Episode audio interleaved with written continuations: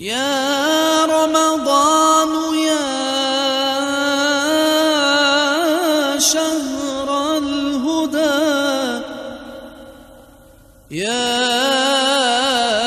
شهر الندى يا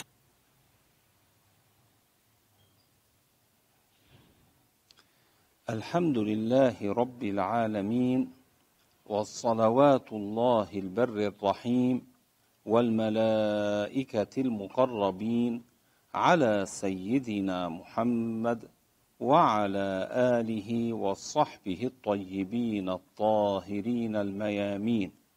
اللهم لا سهل إلا ما جعلته سهلا وأنت يا حي يا قيوم تجعل الحزن إذا شئت سهلا.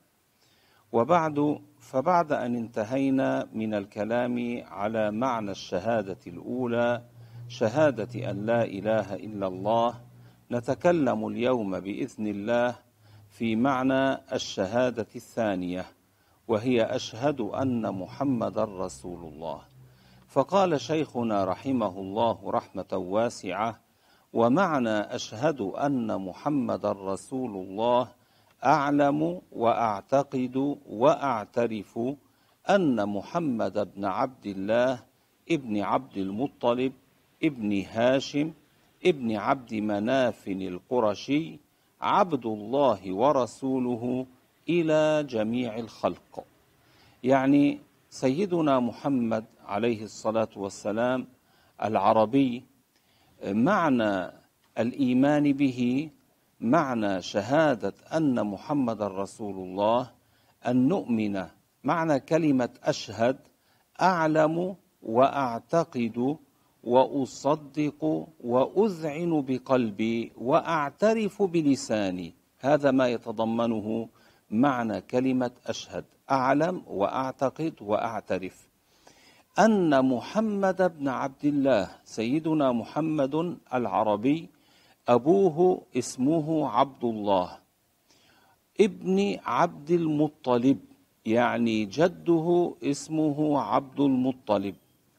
ابن هاشم والد جده اسمه هاشم. كذلك وهذه ألقاب كانوا يلقبون بها آه، هاشم وهم لهم أسماء آه، أخرى غير هذا اللقب.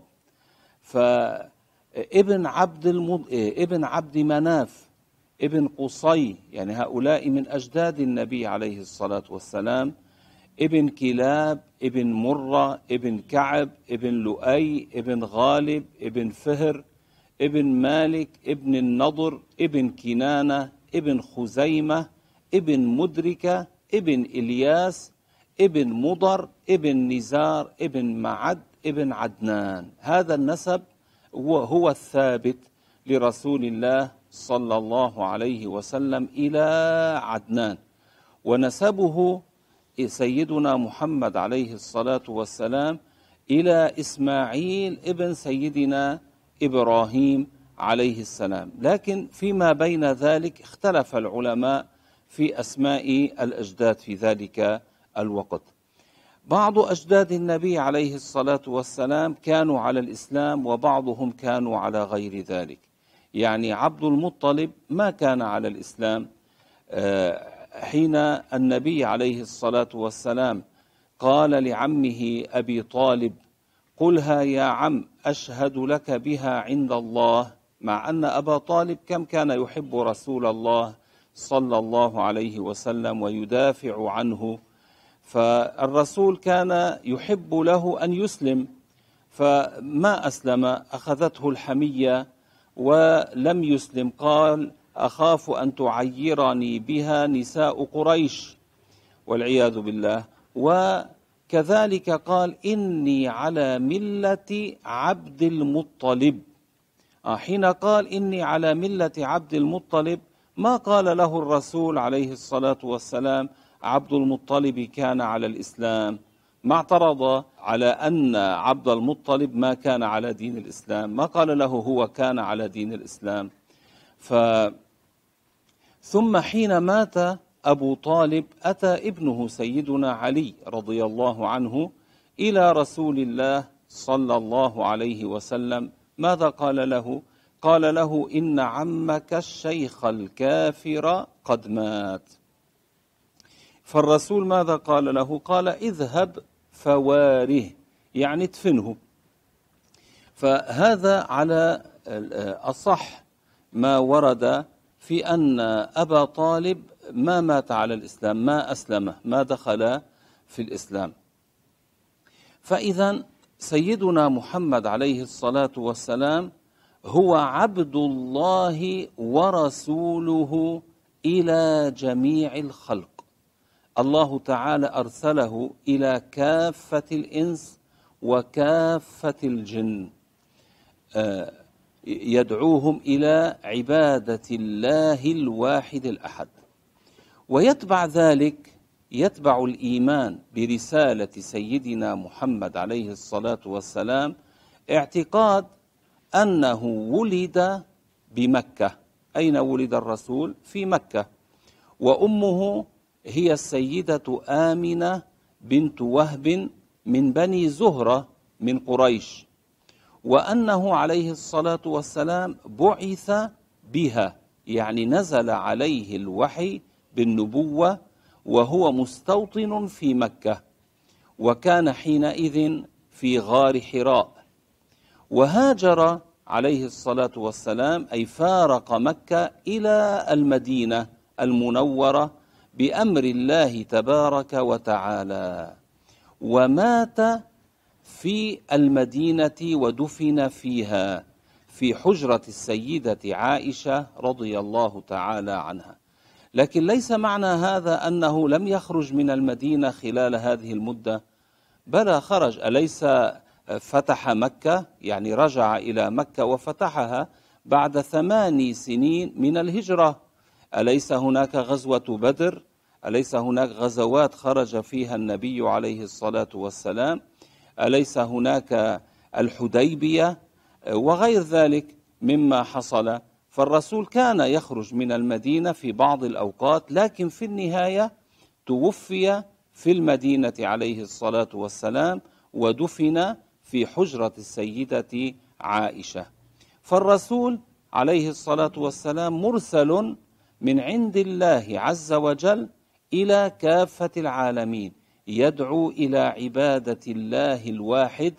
بعد أن كان إن مرت مدة فترة طويلة بين سيدنا عيسى عليه السلام وسيدنا محمد عليه الصلاة والسلام لم يكن فيها نبي. فسيدنا محمد أوحي إليه بالنبوة بعد سيدنا عيسى لكن بعد مرور ستمائة عام تقريبا عن آه، رفع سيدنا عيسى عليه السلام إلى السماء. ف وكل الأنبياء كان دينهم الإسلام. يعني سيدنا عيسى دعا إلى عبادة الله وأنه هو ودعا إلى الإيمان أنه رسول الله. وسيدنا موسى دعا إلى عبادة الله ودعا إلى الإيمان بأن موسى رسول الله وهكذا. وسيدنا محمد عليه الصلاة والسلام دعا إلى عبادة الله وإلى الإيمان بأنه رسول الله صلى الله عليه وسلم.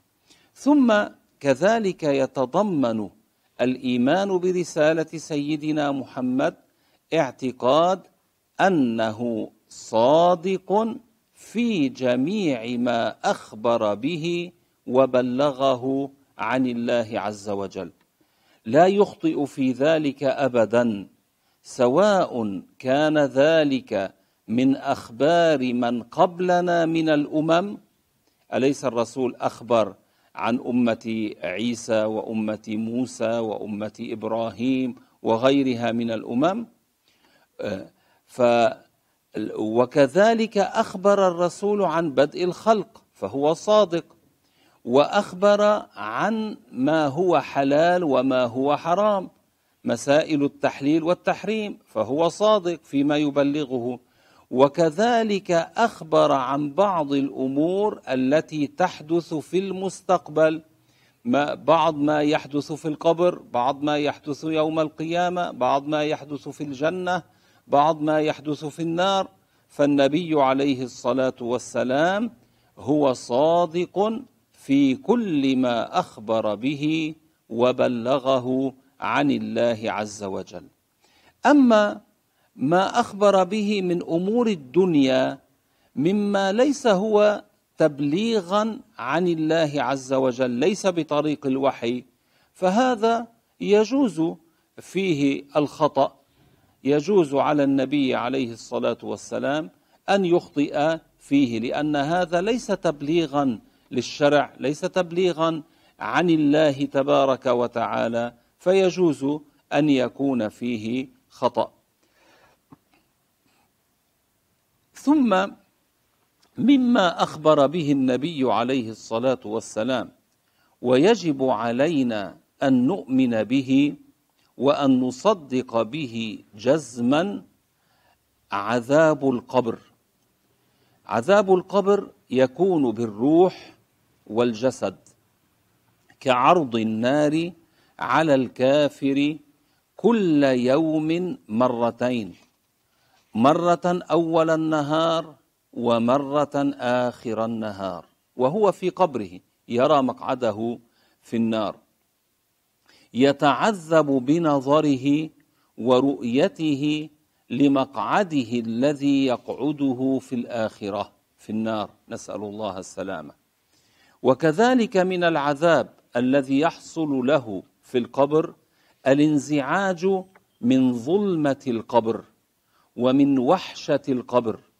يعني الواحد لو جرب في هذه الدنيا حفر قبرا ونزل مكث فيه برهة.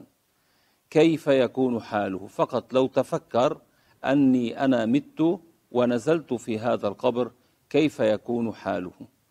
يعني الناس الآن قد الواحد إذا مكث في بيته لوحده يكون في اليوم الأول يكون أرتاح من من تعب العمل. في اليوم الثاني كذلك. في اليوم الثالث يبدأ آه، يشعر بالملل. يشعر بالتعب من المكث في البيت خاصة إذا كان لا يشغل وقته بما هو نافع ومفيد. مثلا لا يشغل وقته بطلب العلم الشرعي لا يشغل وقته بقراءة القرآن بحفظ القرآن بتعليم أولاده الخير تعليم أهله الخير. إن كان لا يشغل وقته في ذلك فيشعر بالملل. فعند ذلك ماذا يفعل؟ قد يصير شأنه على التلفزيون أو وسائل التواصل. والله أعلم ماذا يحصل معه وكيف يكون حاله وكيف يضيع وقته وكيف تتشوش أفكاره من بعض البرامج التي تعرض. كذلك مما يجب الإيمان به نعيم القبر. الله تعالى يجعلنا من أهل النعيم. في القبر. نعيم القبر يكون كتوسيع القبر سبعين ذراعا في سبعين ذراعا على المسلم الذي التقي الذي يدفن في قبره. يوسع قبره عليه سبعين ذراعا في سبعين ذراعا. أنت قد تحفر القبر تجده كما آه، حفرته. مثلا متران في نصف متر آه، بعمق مثلا آه، متران أو أقل تجده كما هو لكن الله تعالى يفعل ما يشاء. قد يكون هو متسعا وأنت لا تراه متسعا إنما ترى ما أراك الله سبحانه وتعالى منه. بعض الناس قد يحصل لهم أن يكشف الله تعالى لهم حال القبر كما حصل مع الصحابي العلاء ابن الحضرمي. هذا العلاء ابن الحضرمي كان من أولياء الصحابة وكان ولاه رسول الله صلى الله عليه وسلم على البحرين. الآن يوجد بلد اسمه البحرين. ذاك في ذلك الوقت الله أعلم يمكن كان أوسع من البلد الذي هو الآن يقال له البحرين. المهم هذا الصحابي الكريم كان من المجاهدين في سبيل الله. حتى كان إذا حصل وهرب الأعداء كان يلحقهم لأسرهم ولنحو ذلك. حتى مرة ركبوا بالسفن وخرجوا في البحر فهو ذكر بعض أسماء الله الحسنى ومشى على البحر كما ورد في الأخبار الصحيحة. وأشار إلى الجيش فلحقه الجيش على البحر حتى أمسكوا بالأعداء وأسروهم. هذا الرجل توفي في إحدى تلك البقاع التي كان يذهب لأجل آه، الجهاد في سبيل الله ولأجل نشر دعوة الإسلام. فدفن حيث توفي فأتى أهل تلك الناحية سألوا من هنا؟ فأخبروهم فقالوا لهم هذه أرض يكثر فيها السباع. آه، فالسبع يشم رائحة الجثة وينبش القبر وقد يخرج الجثة ويأكلها أو نحو ذلك يشوهها. فهم هؤلاء وهذا كان في زمن الصحابة والتابعين.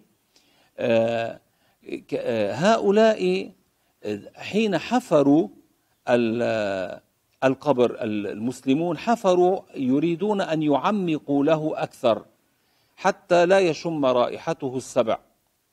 فحفروا ونزلوا في الحفرة في القبر فوجدوا القبر قد اتسع على مد البصر.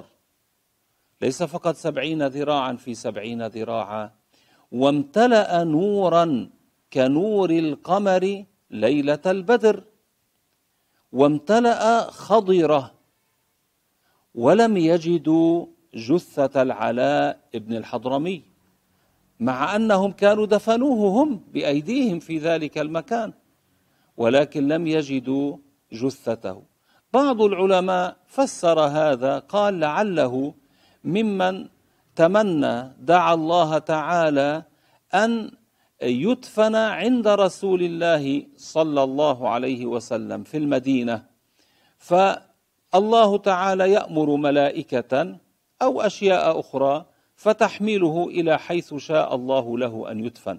فينقل جثمانه إلى مدينة رسول الله صلى الله عليه وسلم. يحتمل أن يكون هذا الذي جرى. لكن الأمر الثابت أنهم فتحوا القبر ورأوه قد امتد واتسع على مد البصر وهذا الله تعالى فعال لما يريد. هذا الله تعالى يكشفه لبعض الناس ليس لكل الناس. أحيانا يكشف من وقت لآخر لكن الأكثر أنه لا يكشف هذا الأمر. لماذا؟ لأن هذا من الأمور الغيبية التي يجب علينا أن نؤمن بها. أليس في القرآن؟ ذلك الكتاب لا ريب فيه هدى للمتقين الذين يؤمنون بالغيب. ويقيمون الصلاة ومما رزقناهم ينفقون. آه نحن فرض علينا أن نؤمن بالغيب. هلا هنا الإيمان بالغيب مبني على أي شيء؟ مبني على خبر الثقة. من هو الثقة؟ رسول الله صلى الله عليه وسلم. وما أنزل عليه من القرآن وما أوحي إليه من الحديث. المسلمون عرفوا صدق رسول الله صلى الله عليه وسلم بالدليل العقلي. عرفوا صدقه لأنه هو ادعى النبوة. ليس كل واحد يدعي النبوة يكون صادقا. هو ادعى ولا نبي بعد سيدنا محمد عليه الصلاة والسلام. هو ادعى النبوة وأعطى الدليل على صدقه. العلماء ذكروا مثالا على ذلك. قالوا لو كان هناك ملك آه، قوي وله سطوة وله أتباع كثرة جمع الناس على صعيد واحد وقال وقام يريد أن يخبئ يريد أن يأمرهم بشيء آه، فقام من بين الناس رجل قال لهم أيها الناس إني رسول من الملك إليكم. وهناك أمر عظيم الشأن أريد أن أبلغكم إياه. لكن قبل أن أبلغكم إياه سأعطيكم الدليل على أني رسول من الملك إليكم. يا أيها الملك أعط الناس الإشارة والدليل أني رسول منك إليهم. فافعل فعلا أنت في العادة لا تفعله. مثلا أيها الملك قم واقعد عادة الملك إذا جمع الناس والناس مجتمعون لا يقوم ويقعد يكون قاعدا. مثلا قم واقعد بناء على طلبي حتى يعرف الناس بهذه الإشارة أني صادق فيما أخبرهم به. فالملك قام وقعد. يعني خالف عادته لأجل هذا الرجل حتى يعطي الدليل على صدقه. وكذلك المعجزات. المعجزات التي هي آه، أمر خارق للعادة على خلاف العادة يحصل. الله تعالى هو خالق المعجزة. الله تعالى أليس اجرى العادة أن النار تحرق؟ اجرى العادة أن الماء لا يطلع من اليدين إنما يطلع من النبع أو ينزل مطر أو من البحر أو من النهر. أليس الله سبحانه خالف العادة لسيدنا إبراهيم فلم تحرقه النار؟ خالف العادة لسيدنا محمد عليه الصلاة والسلام فنبع الماء من بين أصابعه فكان هذا دليلا على صدق هذا النبي. أتى رجل كان الرسول في مسير فرأى اعرابيا فأشار له فأتاه فقال له الرسول هل لك من خير؟ قال وما هو؟ قال تشهد أن لا إله إلا الله. وأني رسول الله. فقال له الأعرابي هل من شاهد؟ يعني هل هناك دليل يصدقك؟ قال له الرسول نعم. فأشار إلى شجرة في شاطئ الوادي في أسفل الوادي. فأتت تخد الأرض خدا حتى امتثلت أمام رسول الله صلى الله عليه وسلم. فسألها الرسول عليه الصلاة والسلام قال لها من أنا يا شجرة؟ ماذا قالت الشجرة؟ قالت أشهد أنك لرسول الله بلسان عربي فصيح. كرر الرسول السؤال فكررت الجواب عدة مرات. ماذا حصل مع هذا الأعرابي؟ ما وسعه. إلا أن يقول أشهد أن لا إله إلا الله وأشهد أن محمدا رسول الله. دخل في الإسلام وقبل يدي رسول الله صلى الله عليه وسلم ورجليه من شدة ما تأثر ومن شدة تصديقه لرسول الله صلى الله عليه وسلم وقال للرسول أذهب إلى قومي فإن أتوا معي أتيت بهم وإلا أتيت بنفسي. هنا الشجرة هل عادة هكذا تمشي وتشق الطريق بنفسها من غير سكة تعمل لها ومن غير من يجرها ونحو ذلك؟ أصلا الشجرة لها جذور متعلقة في الأرض. ثم الشجرة هل عادة تنطق بلسان عربي فصيح؟ لا. لكن هذا كله جائز عقلا. الله تعالى آه، خالف العادة لرسول الله. هذه أمور جائزة عقلا لكن عادة مستحيلة. لا تحصل عادة. فرق بين المستحيل عادة وبين المستحيل عقلا. مستحيل عقلا لا يحصل بالمرة. أما المستحيل عادة يعني بحسب العادة لا يحصل لكن قد يخالف الله تعالى العادة. لبعض للأنبياء ولبعض الأولياء ونحو ذلك.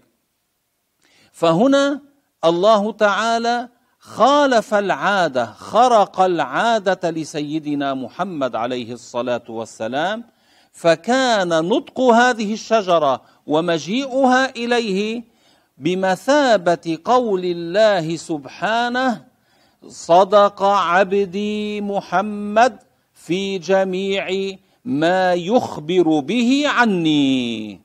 فكان هذا دليل صدق سيدنا محمد عليه الصلاة والسلام.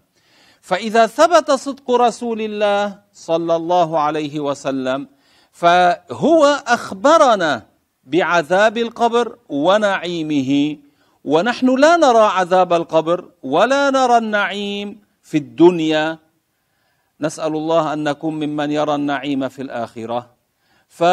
ففي الدنيا نحن يجب علينا أن نؤمن بهذا الأمر الغيبي وهذا من الإيمان بالغيب وهذا يوافق العقل ولا يخالف العقل. لا يسمى خرافات ولا يسمى أكاذيب وأساطير لا.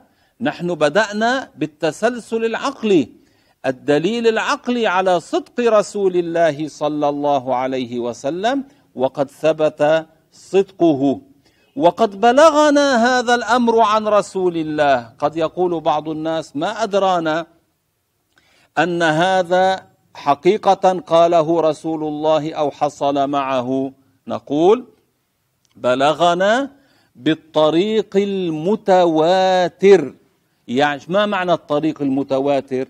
يعني الذين رأوا هذه المعجزات كانوا كثرة وأخبروا بهذه المعجزات لمن أتى بعدهم من الناس وكذلك كانوا كثرة والذين بعدهم أخبروا من بعدهم وكانوا كثرة حتى وصل الأمر إلينا. هذا طريق التواتر. فرق بين هذا وبين الإشاعة. الإشاعة الرومر هذا يحصل آه، بعدد قليل واحد اثنان ثلاثة. مرة في بيروت حصلت إشاعة. هذا في زمن أظن سنة آه، سبع وثمانين. قالوا الليرة كان هناك الليرة النقل قالوا الليرة فيها ذهب أو فضة أو لا أدري إيش. فاجمعوا الليرة فصار الناس في يوم واحد يشتغلون لجمع الليرة كل واحد ماذا عنده؟ وهم يتوهمون أن هذه الليرة سيرتفع ثمنها. ثم بعد ذلك طلعت لعبة أناس طلعوا هذه الإشاعة والناس لحقوا بهم. نسأل الله السلامة. فالواحد يتحقق مما يسمع. وخصوصا في زماننا كم يحصل من إشاعات تنتشر على الفيسبوك والواتساب وغيرها. ليس كل ما يسمعه الإنسان يصدقه. كفى بالمرء كذبا أن يحدث بكل ما سمع. فرق بين الإشاعة وبين الخبر المتواتر. الآن آه، هل من منا مثلا ذهب إلى الصين؟ قد يكون بعض الأشخاص ذهبوا إلى الصين لكن كثير من الناس في لبنان ما ذهبوا أغلبهم ما ذهبوا إلى الصين. لكن هل يشكون أن هناك الصين؟ لا يشكون. لماذا؟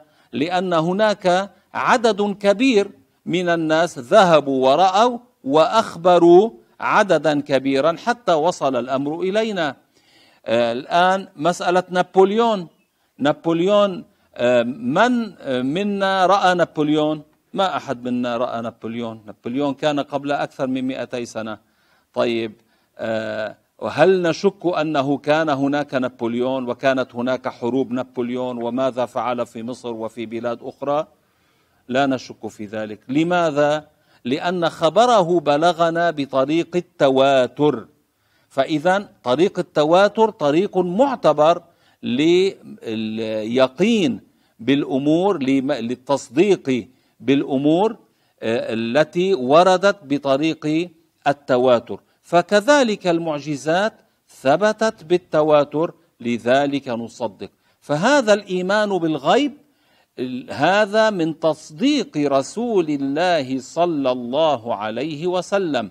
هذا مما يجب علينا وهذا الذي ورد في القرآن ويؤمنون بالغيب. أسأل الله العظيم أن يجعلني وإياكم من الذين يستمعون القول فيتبعون أحسنه وسبحان الله والحمد لله رب العالمين.